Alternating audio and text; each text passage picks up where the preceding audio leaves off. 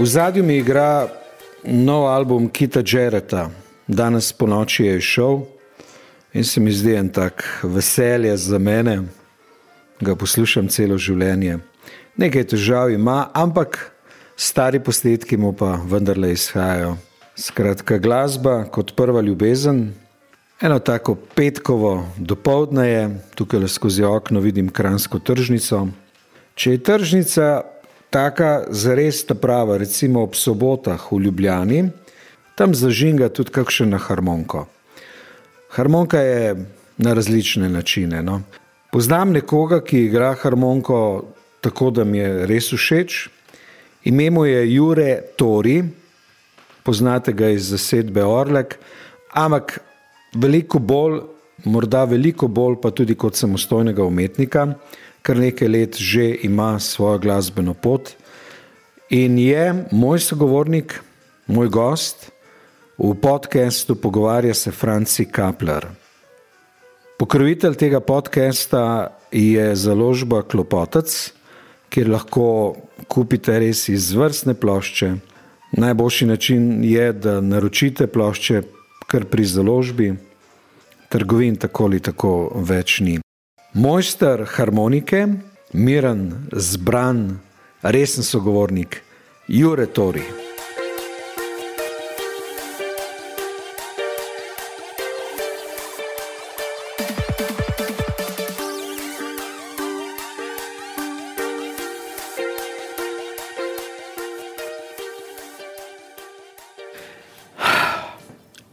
Treme nimam, ne? Je pa res, da bi jo moral imeti po teh nekaj mesecih ponovnega premora, si v življenju kar marsikaj dovolim in tudi tale podcast ima vzpone in kar nekaj pacov v globin. Ampak tukaj le z menoj je Jure Tori. Dobr dan vam želim. Dobr dan. Za mene ste vi mojster na nekem področju, ki ga jaz ne razumem in to je področje harmonike. Ne bom rekel, da imam o harmoniki slabo mnenje, ampak jo vidim kot promiskuitetni predmet oziroma promiskuitetno glasbilo. Kot glasbilo, ki je lahko v katere koli vrste glasbi.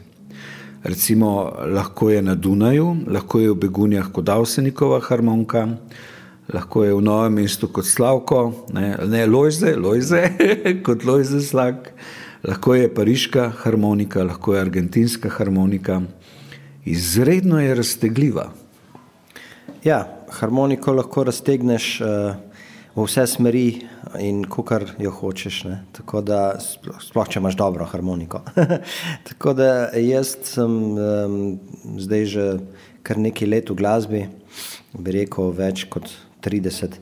In um, igram vse stile, ne vse stile, no, ampak ogromno stilov. Uh, začel sem z skupino Orlek, še prej kot otroci smo igrali tudi v glasbeni šoli, smo imeli svoje skupine.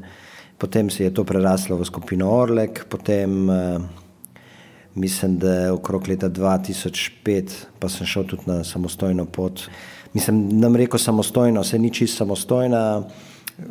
Začel sem z dueti kot je z Evaldom Oberleitnerjem iz Graca. Tam so posnela sva ploščo, eh, prvo od vse spomina, ki je bila takrat eh, presenečenje za marsikoga, tudi za mene samega, ne? ker ko sem jaz to igral, sem si mislil, to ne bo noben poslušal. Ne? No in potem, ko sem jaz dal to glasbenim prijateljem, eh, so bili čisto navdušeni in so rekli, to moraš CD izdati.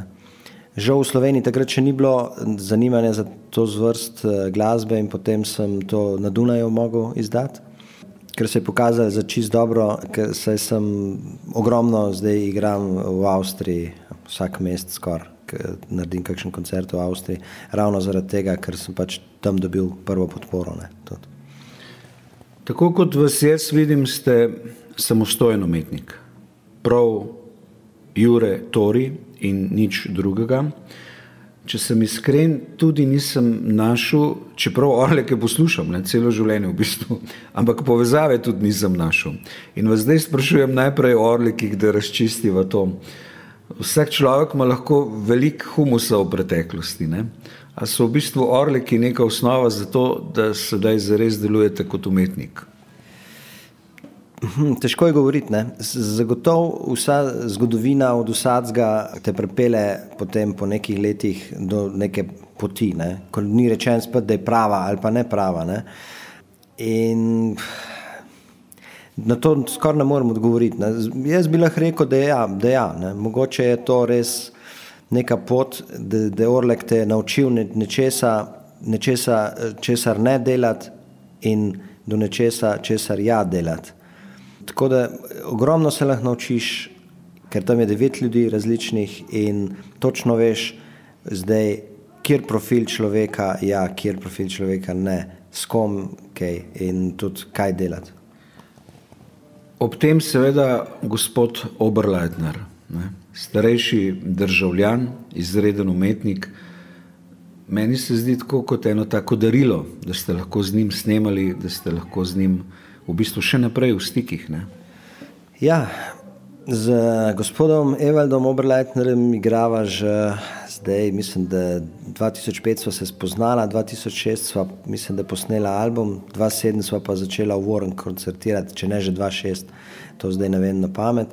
Tako da to je že kar 12-13 let. In kaj ne rečem, uh, on je prišel res kot da bi bil poklican od Boga. Ker to je bilo, jaz sem ravno igral v Blues Teamu, takrat še pa seveda poleg Orleko. In takrat sem bil zelo nezadovoljen in sem rekel, jaz tole moram končati, ampak v meni pa skus nekaj ureja, jaz moram nekaj početi, ne? tak človek sem da ne morem kar nehati pa reči, ok, to je zdaj za mano, zdaj grem pa drugo pot. Mislim, ne, da sploh ne grem druge poti. In to je kar samo je od sebe pršil, ker sem jaz z Bogdano Herman tudi tisto leto začel, ne? 2004 mislim, da so začela. In tudi nismo imeli namen nadaljevati. Ne? To je tudi ena, ena prelomnica, tudi tako Orle kot Bogdana, kot Evald, teh ljudi sem se ogromno naučil. No in Ker naenkrat jaz Bogdano igram v Lendavi in pride do mene neka ostrica in reče: Ti boš po mojem klubu igral. Ne? Sem rekel: Ne, ne bom, ne.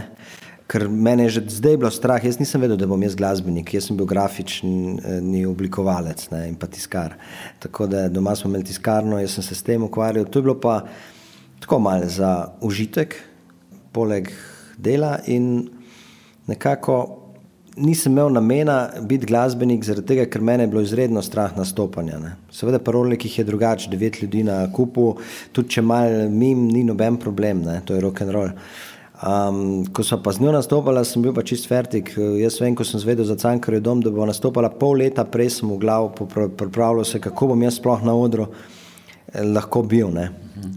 da sem lahko to izvedel. Ne. Pol leta prej vsak dan razmišljal o tem, da bom na odru Cankarjevega doma. Ne. In um, ko se mi je pač ta ponud, prilika ponudila v Avstriji, sem jo zavrnil, ne.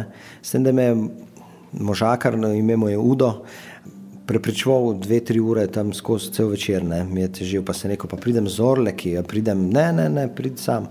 Se rekel, sam sigurno, ne, ne poznam niti jezika, strah me je igrati, ni šans. Ne. In potem je on rekel, poznam jaz enega kontrabasista, uh, mogoče bi z njim kaj naredil. Sem rekel, Ja, ne vem, mogoče. Ne. Jaz sem bil kar bolj nezainteresiran kot zainteresiran. No, in potem je naslednji dan me takoj klical in rekel: Tukaj je številka, poklič, tudi on bi to sprejel. No, in po pol leta me kliče Parijato, pa ti veš, s kom igraš. Ne? In jaz nisem vedel, ne? da je Evald takšna zvezda. On je v bistvu kar rekel: Legenda nekaj vrste. Velika legenda, ja, zdaj je star 80 let. Tako da Igral je z pomembnimi glasbeniki v jazzu, ameriškimi, od Chet Bakera, Antonija Braxtona in, in cel kup svetovno znanih eh, glasbenikov ne, ali pa zvest celo. In še vedno ima turneje po celem svetu. Ne. Tako da takrat so potem z njim imela eno prvo vajo, tukaj cajt sva igrala, da ga je v rok ušipil. Ne. In potem ni nič rekel, niti besede, sam eh, datum je iskal za naslednjo vajo. Imela sva pet vaj in šla sva v studio posnet. Glede na to, da so pač prijatelji, ki so to slišali, so rekli, da to moram nekje izdati. Ne? V Sloveniji ni hotel noben izdati tist in so rekli, da je to neka melanholija, da to ni zanimivo za slovence in um, pa sem pač to mogel v Avstriji izdati. Tako da od teh treh, bom rekel, velikih, ne, se pravi Orlek, Evald in pa Bogdana Herman, sem se ogromno naučil. No. Bogdano, kolikor sem jo sam poznal, razumem kot precej zahtevnega človeka. Kako pa ste vi z njo lahko sodelovali, komunicirali, sta prijatelja? Bogdana je najbrž tako kot jaz. Mi dva sva po eni strani precej, precej zahtevna, po drugi strani pa zelo nezahtevna. Tako da mi smo se ujeli na tisti nezahtevni strani, um, da smo začutili neko um, energijo drug drugega, ki, ki nam je precej bolj pomembna bila od neke glasbe, ampak čustva in te stvari so precej bolj pomembne bile. Ne? In zato smo mi da začela in zato mi da še zdaj uživava. In isti repertoar lahko igrava še leta in leta, zato ker ima vedno drugače zaigrava, vedno se drugače čutva. Ona je tudi na nek način povezava z neko preteklostjo, 70-ta, 80-ta leta, bolj 70-ta bi rekel, ko smo pa slovenci že imeli te vrste glasbo, ne? veliko bolj zahtevno, meditativno, kjer je bilo nekaj skupin, ki so povezovali folk, v bistvu ljudsko glasbo z jazzom, improvizacijo. Ne? Celo sedmina so bili precej popularni, ampak so bile tudi druge skupine, tudi Sajeta bi jaz vzel v ta okvir. Ne. Bogdana v bistvu je neke vrste vez s tistim krogom, se meni zdi.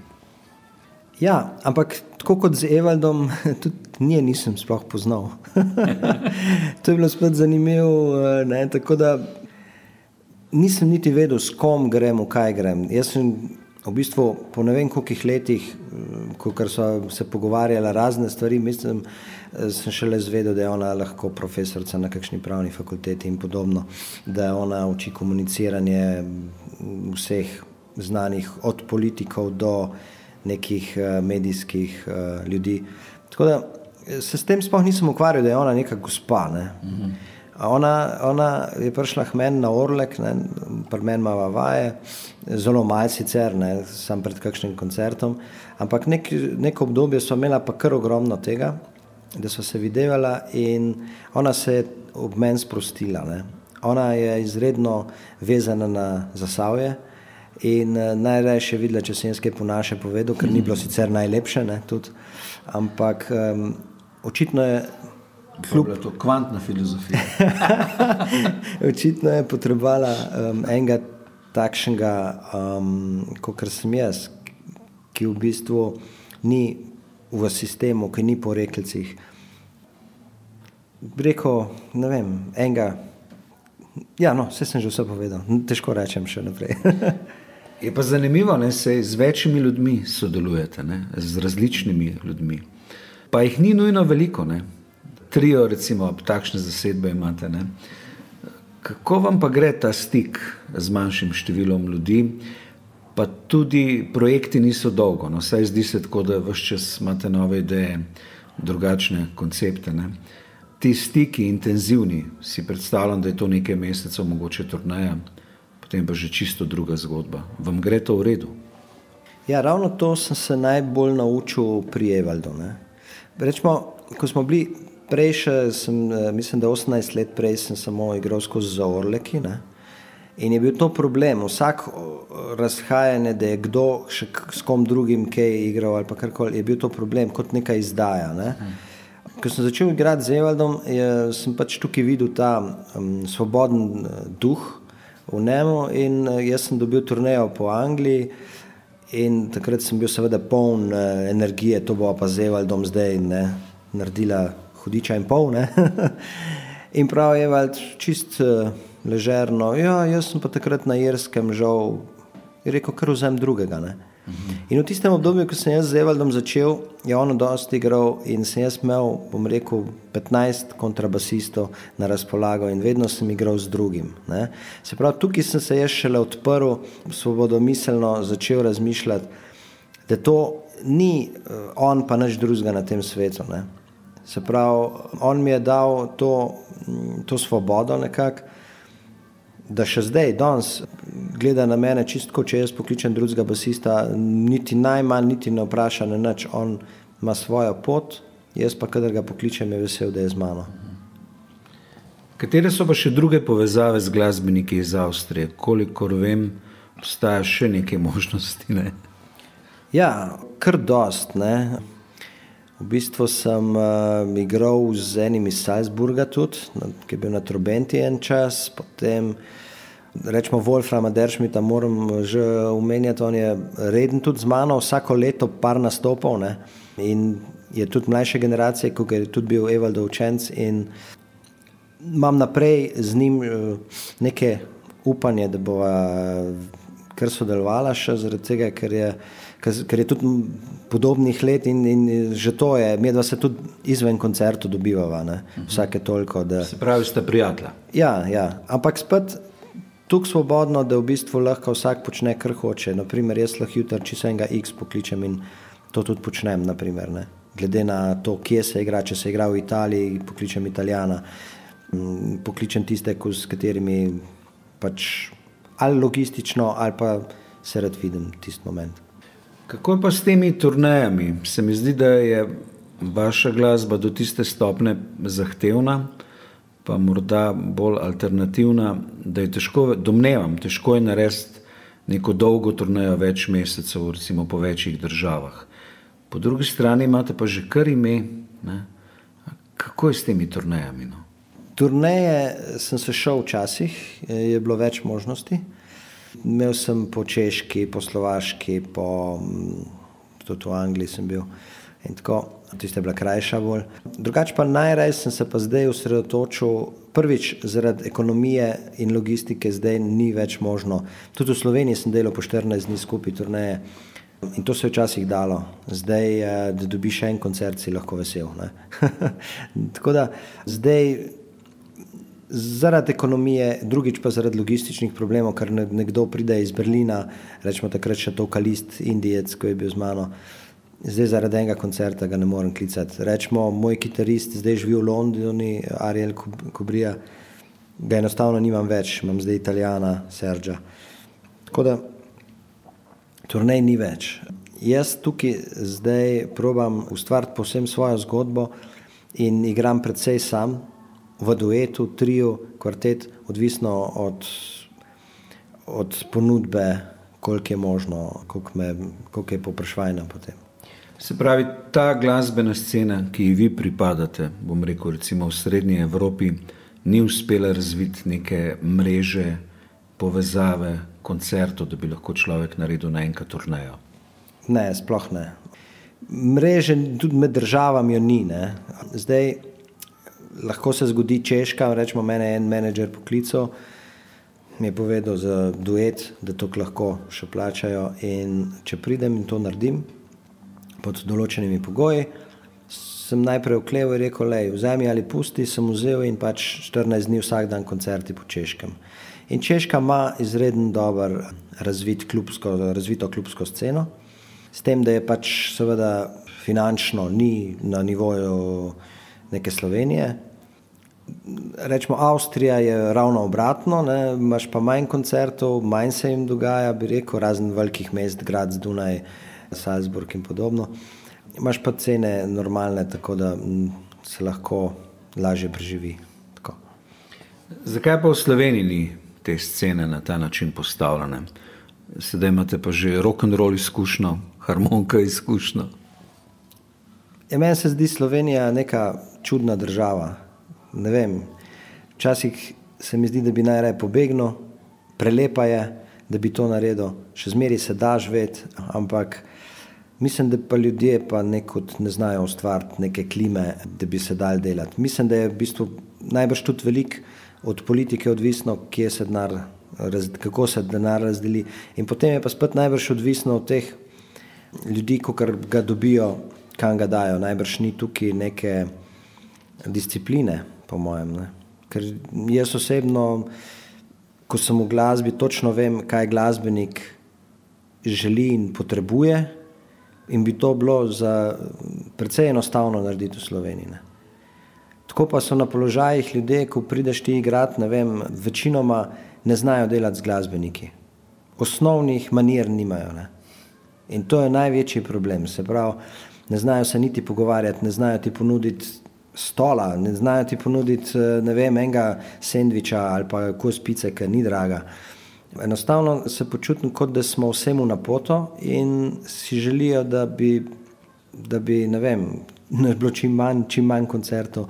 Ne vem, problem je tudi teh kulturnih ustanov, ki so financirane od države, oni se pa obnašajo čist kapitalistično, naprimer, ne, se pravi, to kartko boš prodal, to boš zaslužil, ne, se pravi, tukaj nekaj ne štima, to bi moglo biti vse privatizirano ali pa vse socialno nekako naravnano, ne, ne pa, da imamo zdaj pol, oni živijo, imajo, vem, dobre colenge, mi pa v bistvu igramo na karte, ne. Se pravi, to je posebno skregan in zato najbrž tudi scena ne more delovati, ker je preveč, ni redano, enostavno, to je problem. Kaj pa misliš, da morda tudi strasti med slovenci ni dovolj? Sam vidim, da to me moti. No. Celo navdušenje na koncertih se mi zdi bistveno premalo.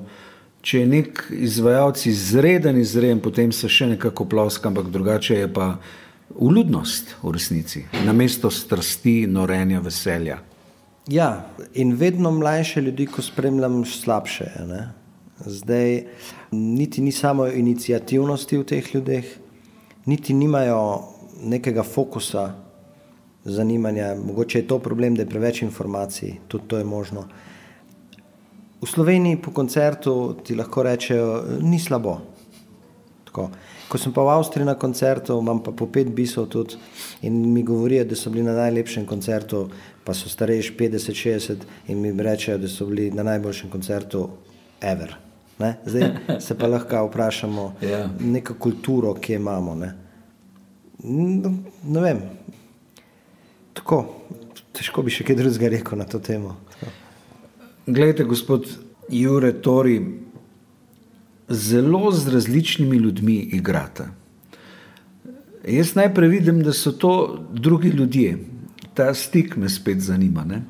Poslušal sem vaše zelo različne plošče, v bistvu so vsaka drugačna od druge, sploh ne igrate enak, niti približno ne igrate enako, ampak tudi odzivate se zmeraj drugače. Ne? Se mi zdi, to je tako kot neko neprestano iskanje novega zvoka skozi inštrument, ki se je meni včasih zdel zelo mečken zaprt, ne? zdaj je pa naenkrat v bistvu tako kot bahove orgle zveni za mene. Ne? tukaj moraš imeti ogromno koncentracije, improvizacije, energije, pa jaz ne vem, neke lepote v sebi, kaj, da to lahko kar dajete. Ne? V zelo različnih stilih. No? To je milijon glasbenikov, bi rekel, ne en Jure, ne? ni en Jure sam. Ja, zdaj se bo zelo samo všečno eh, slišal, ta lepota v meni. Ampak enostavno sem človek, ki iz vsake pozicije, kjer sem, probam poiskati najboljše, ne? se pravi, zmago. Ne? Tudi če gre vse dol, si rečem, to je za neki dober, ne? da gre ne? vse narobe. In probam, probam potegniti največ, seveda to ni optimalno in perfektno nikjer, ne? se pravi, svet ni popoln in ni, nikoli ne bo. Popoln, e, zato rečemo, ne vem, ko me je kitarist zapustil, ko je šel živeti v London, se je rekel, Ne? Mi dva moramo zdaj zmagati, oba dva skupaj. Ne, ne, ne bo jokala, ampak se je odprla čist druga pot, ko ni rečen, da je najboljša. Ampak sem pač vzel tisto pot, ki je bila možna takrat. Ne? Nisem rekel, zdaj bom pa nehal delati zaradi enega glasbenika. In, in potem se tako odpiraš isto v glasbi. Ne? Ne vem, če ti igraš pri Orlikih, seveda ne moreš igrati tako kot pri Flora in Paris, ki je spet čist druga glasba, ali pa pri Tori Tango ali pa Tori Solo, ne, ki pa spet, rečemo Tori Solo in pa Tori Tango je, so čist dve, dva druga svetova že, naprimer. Ne. Dejansko. Ja. In to je, to je to, ne, da pač probaš poiskati v tistem, kar imaš. Se pravi, če sem sam, bom samo v tistem iskal, kar imam. Ne. Če imaš pa Tori Tango, moraš pa biti zraven s tremi drugimi, štirimi drugimi in ne moreš svojo uveljavljati. Predlagam, da Tori Tango sedaj malo bolj podrobneje obdelava. To se zdi, da je en tak ključnih projektov vaše kariere. Kako je ta ideja nastala, kako ste to snemali, kam naprej to gre, ker se zdi, da niti približno ni konec. Ja, to je pa zdaj težko vprašanje, kam naprej to gre. Ne? V bistvu vse zelo spontano nastaja pri meni in tudi Tori Tango sploh ni bil mišljen. Ne? To se je zgodilo zaradi tega, ker je se Tori Trio pridružil violinist in je tako zvenel kot tango. Pa se je rekel, pa ne bo Tori Tango, se dobro sliši, pa tudi ljudje imajo radi tango. Ampak mnogi so to rekli, da to niti eh, te plesalci sploh, da to ni tango za plesane. Zato, smo, zato sem pa videl, da gre to za prvi slovenski tango. Ne? To v bistvu je to slovenski tango. Aha. Se pravi, to Ni je Tori. je Tori in slovenski prvi avtorski tango, bi rekel. Ne? Tukaj, jaz, ko sem delal glasbo, sploh nisem mislil prvič, ko sem rekel, da bo to tango, zato sem delal takšno glasbo, kot sem delal za solo ali pa za trio.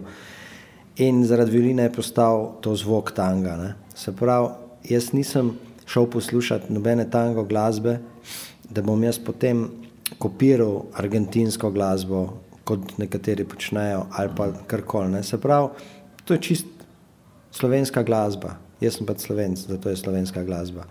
Tujci so pa zraven, ki so pobarvali to glasbo ne? in se, se mi zdi očitno zelo dobro tako pobarvali. A jih lahko predstavite?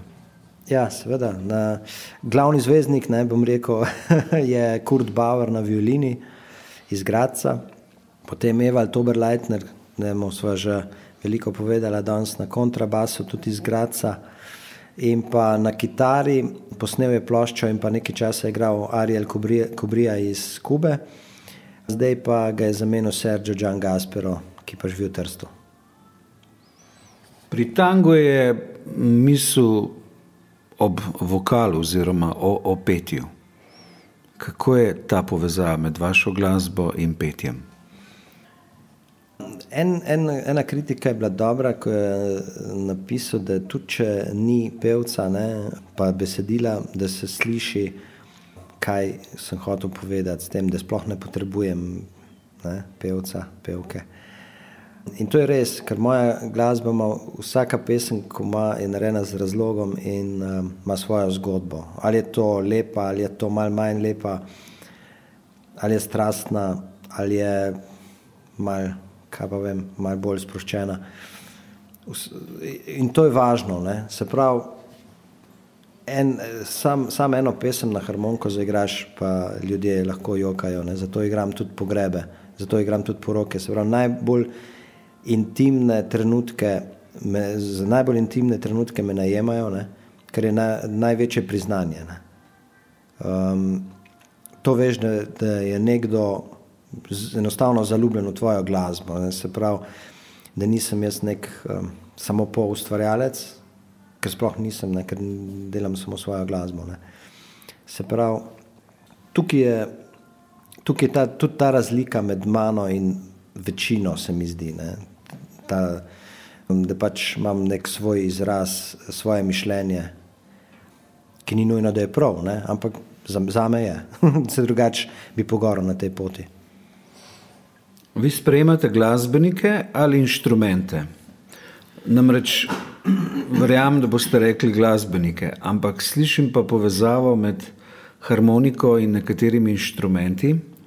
Recimo, vi imate dvojni bas, kitaro, klavir ne slišim pa povezave s kakšnimi drugimi inštrumenti. Recimo, ne bi znal si sedele predstavljati harmonike in trobente, čeprav sem pripričan, da lahko karkoli naredite, ampak dejansko je neka povezava v zvoku med vašim igranjem in zvokom drugih inštrumentov, ki jih imate na ploščah.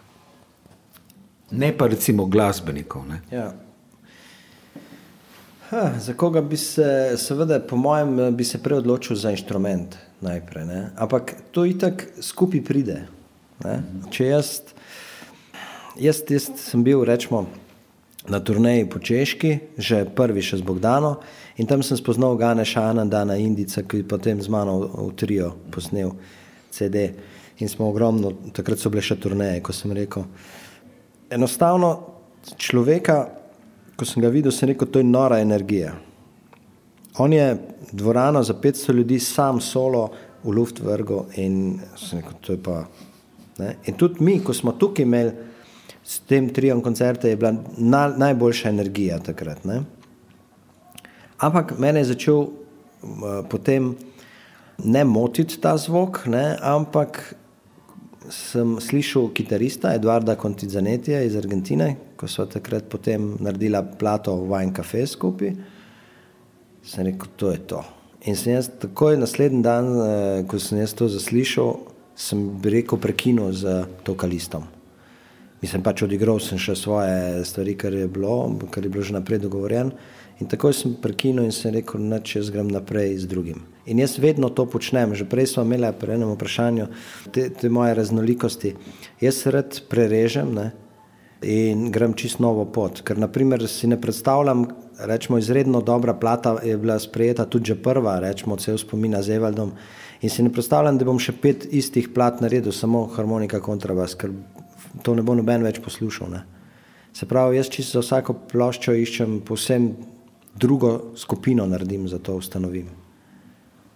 Meni se zdi plošča Wine Cafe krasna. Kako ste jo posneli, kako je ta projekt nastal? Ja, posneli smo jo v triju z kontrabasistom Evaldom Oberleitnerjem, z Eduardom Contizanetjem iz Argentine in pa pač jaz. Snemali smo pa tukaj kar v istoku, pri istoku Zupanu v Kranju, založba Klopotec, ki je tudi to izdala. Posneli smo kar v njegovih prostorih v kleti, kjer ima studio, tako mini, zli za trio je šlo skozi. In uh, plata je, bi rekel, mogoče malo južnoameriško naravnana, celo na, na momente, ne? to je pa zaradi tega Edwarda, ker sem se jaz zelo navdušil, ko sem ga slišal igrati. No in če grem na, na kakšen vprašanje nazaj, smo se ravno pogovarjali o. Ja, zdaj sem pa zgubuniti. Morda inštrumenti, glasbeniki. To je močno vprašanje za mene. Še nekaj drugega je bilo, ampak sem se zdaj malo zgubil, se upravičujem. Ampak v glavnem, ko sem jaz to slišal, sem rekel, jaz to moram delati in sem vse ostale stvari dal na stran, bom rekel. In smo tudi, mislim, največ s tem triom igrali. No. Trio je v bistvu bil neka, neka moja naj, naj, najobsežnejša pot, ne. ogromno se še zdaj igra. Ne. Vajn kafe je verjetno kakšna budrilnica slabo razpoloženih državljanov. Ali je to lokal? ja, Vajn kafe je v bistvu je, to je bila moja ideja, da damo ta naslov. Zaradi tega, ker je lokal v Stari Gorici v Italiji, ni, ni ga več, tudi lastnik je pred kratkim umrl. Žal, ker smo dva, tri dni prej smo se še menili za koncert v Gorici in potem je pač tako nanesel, da ga ni več med nami. V glavnem, Wine Cafe je lokal, kjer sem jaz igral s svojim triom prejšnjim in pa dueti in tako, in pa Eduardo s svojimi skupinami. In jaz sem tam že malo sprašval za kakšnega dobrega kitarista in mi je pač ta možakar priporočil Eduardo ta. Ne? In ko sem jaz to slišal, no, smo začeli skupaj igrati. Ko smo snemali album, ni bilo pesmi Wine Cafe. Ne. Jaz sem rekel, le Eduardo, obljubil si, da boš naredil tukaj pa tukaj pesmi, pa da je še eno pesem, da je zraven, pa ne bo Wine Cafe. In res se je to zgodilo. In ta, ta pesem mi ne gre iz glave in vsi jo žvižgajo. Zelo lepa. No. Kar nekaj je v resnici, kar nekaj je. Ampak eno vprašanje imam sedaj za vas, glasbena izobrazba. Suvereno igrate, se mi zdi nemogoče, da je ne bi imeli. Ja, nimam jo, ne. imam osnovno šolo narejeno, samo mislim, da je nekaj sedem let. Drugače sem bil zelo, bi rekel, nevesten, tako kot pravim, da nisem v sistemu, tudi tukaj nisem bil. V bistvu začel sem zelo dober, prvih nekaj let, potem pa me je začel zanimati rock and roll ne? in je vse stalo. Potem. Jaz nisem napredoval nekaj dve leti, čist neč. Moj oče, ki je bil tudi glasbenik, je bil jezen, ne, je govoril z učiteljem tega, kar je Reed Burton in tako, kar je Warren. Ni me ta profesor, ga ni poslušal sreče. Imel sem izrednega profesorja, ki je prišel iz Francije, sicer slovenc, mislim, da je tam živel. In um, on je imel izreden posluh za glasbo, kaj je dobra glasba in kaj ne. In to je najpomembnejše. Ne. On, on, jaz nisem igral v glasbeni šoli nekih zelo strašno resnih stvari, ne? ampak je dal izredno odprt program, od najboljših pesmi Avsenika do pop glasbe, do evergreenov, kakšne ruske romance, mačarske plese in take stvari.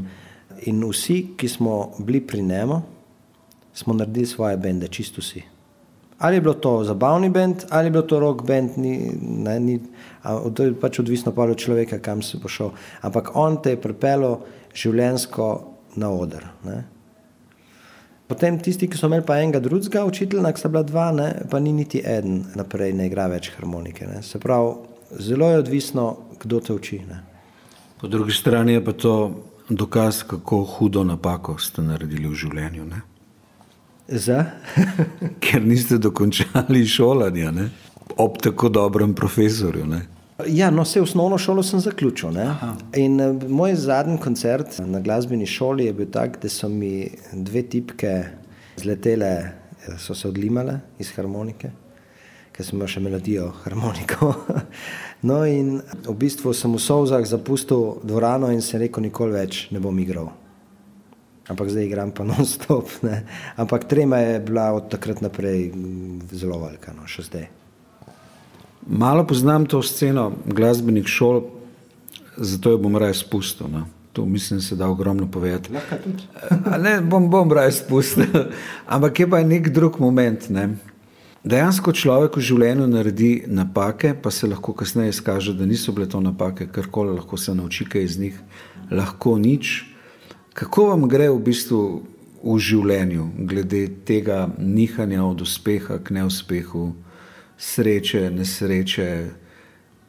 Predvsej tako valovito morje je ne? čez nekaj časa življenje. Ja, zelo. Zaenkrat imam še kar srečo, da sem psihično še kar stabilen. Ne? Glede na vse, kar se dogaja okrog, ne, sem pravim, da živim v pravljici. Ne? Ampak v taki pravljici marsikdo ne bi živel. Ne? Ker tukaj imaš kak mesec, ko ni niti enega koncerta, se pravi, pomeni 0 evrov ne, na računu. Po drugi strani je pa pač tukaj velika svoboda, da še posebej zdaj, v teh najbolj kriznih časih, ko je večina medijev zaprta, ko je večina, se pravi, če te mediji ne sprejmejo, da te vrtijo, to pomeni, da te tudi organizatori ne najemajo, ker ne bo ljudi. Ne. In Zato je pač bila zdaj edina prilika, da se čisto samo svojim in naredim svoj Facebook kanal in YouTube kanal. In sem se odločil, da bom pač vse prihranke, ker, ker se so z leta nabrali, ne, bom pač v to vložil, to je moje življenje in to je moje, ne reko poslanstvo, ker se sliši zelo veličastno, ampak to bi rad delo. Ne. In vem, da dobro delam. Tako da je bila ta kriza najbrž poučna za to, da se postaviš čist za sebe in vidiš, če je še kaj na tem svetu možnosti. Sploh, no. Je pa se pa zmeri bolj zapira, ne? to je pa res. Če nisi v sistemu, nekako te je težko. Ne? Ampak srečo sem si v nekih letih zdaj že tukaj naredil neke prepoznavnosti, da tudi tisto leto, ko mi ne gre dobro, enostavno pridejo te privat zabave ali, ali pogrebi ali karkoli, ki, ki me zelo dobro oni potem nagradijo. Se pravi, tudi pri nas so privat zabave, ker vabijo glasbenike, enostavno samo na zabavo. Ja, tudi se že zgodi, ja, seveda. Ko sem rekel, poroke ali pa pogrebi, ali pa tudi kakšne, zdaj je ogromno bilo teh, kakšnih 50, 60 letnic, 40 letnic. In tudi do tega že pride. Ja. Kakšen je pa vaš privatni kulturni milje? Kaj berete, kaj poslušate, kaj dihate, kaj rastete? To je zelo zanimivo. Ja. Jaz, mene zanima samo psihologija. Kot stroka. Ja, v bistvu ljudje.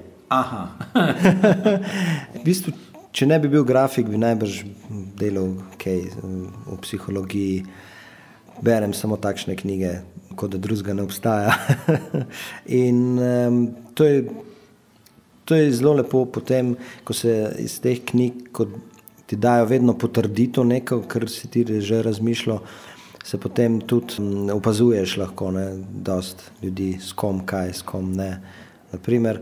Drugače sem pa strašno užitkar, je za sebe pravim. Ne. In izredno uživam, zato sem vesel, da sem in upam, da bom ostal na tej zemlji tukaj, ker imamo izredno dobro hrano, ker imamo en izreden lep miks Mediterana, Balkana, Avstralske. Uživam v dobri hrani. Ne? Tako da je še dobro, da, da nisem še, še bolj poredil. Ne? Tako da se fejs držim nazaj. Ne? Imamo takšna vina, da sem zaljubljen v rdeča, odlična vina. In... Refoški kralj.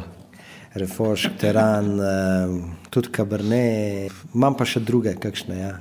Še, mislim, v bistvu imam vedno tudi take sopotnice ob sebi, ne, ki so eh, podobnega mnenja. Ne. Prva hrana in užitek in lepote, kakšnih fotografij, kakšnih slik, v bistvu nasplošno neke umetnosti, glasbe. In potem šele nek dober avto, hiša mi razpada na pol ampak potem živali, ne, imamo doma zdaj spunca dve muce, ki te čist pomirijo. Ne. In letos sem zdaj že en let najbolj miren, bom rekel.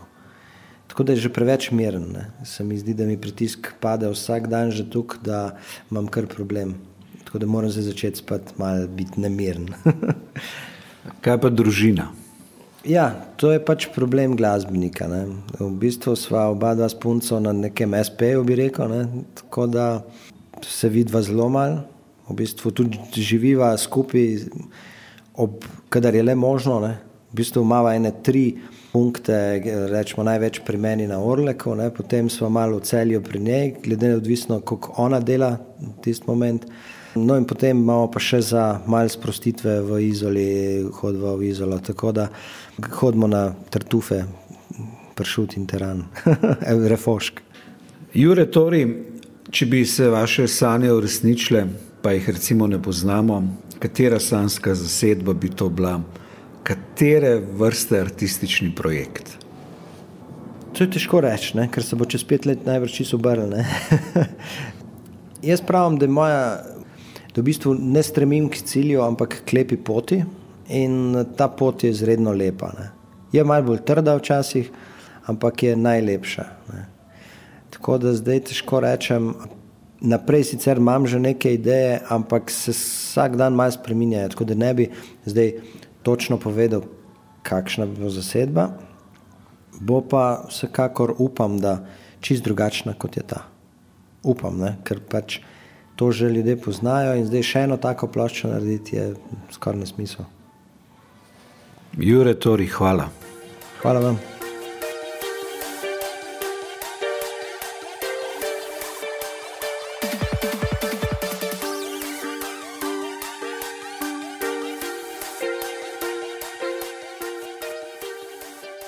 Je bilo ne, tako eno tako mirno zbrano pripovedovanje o tem, kako doživlja svet.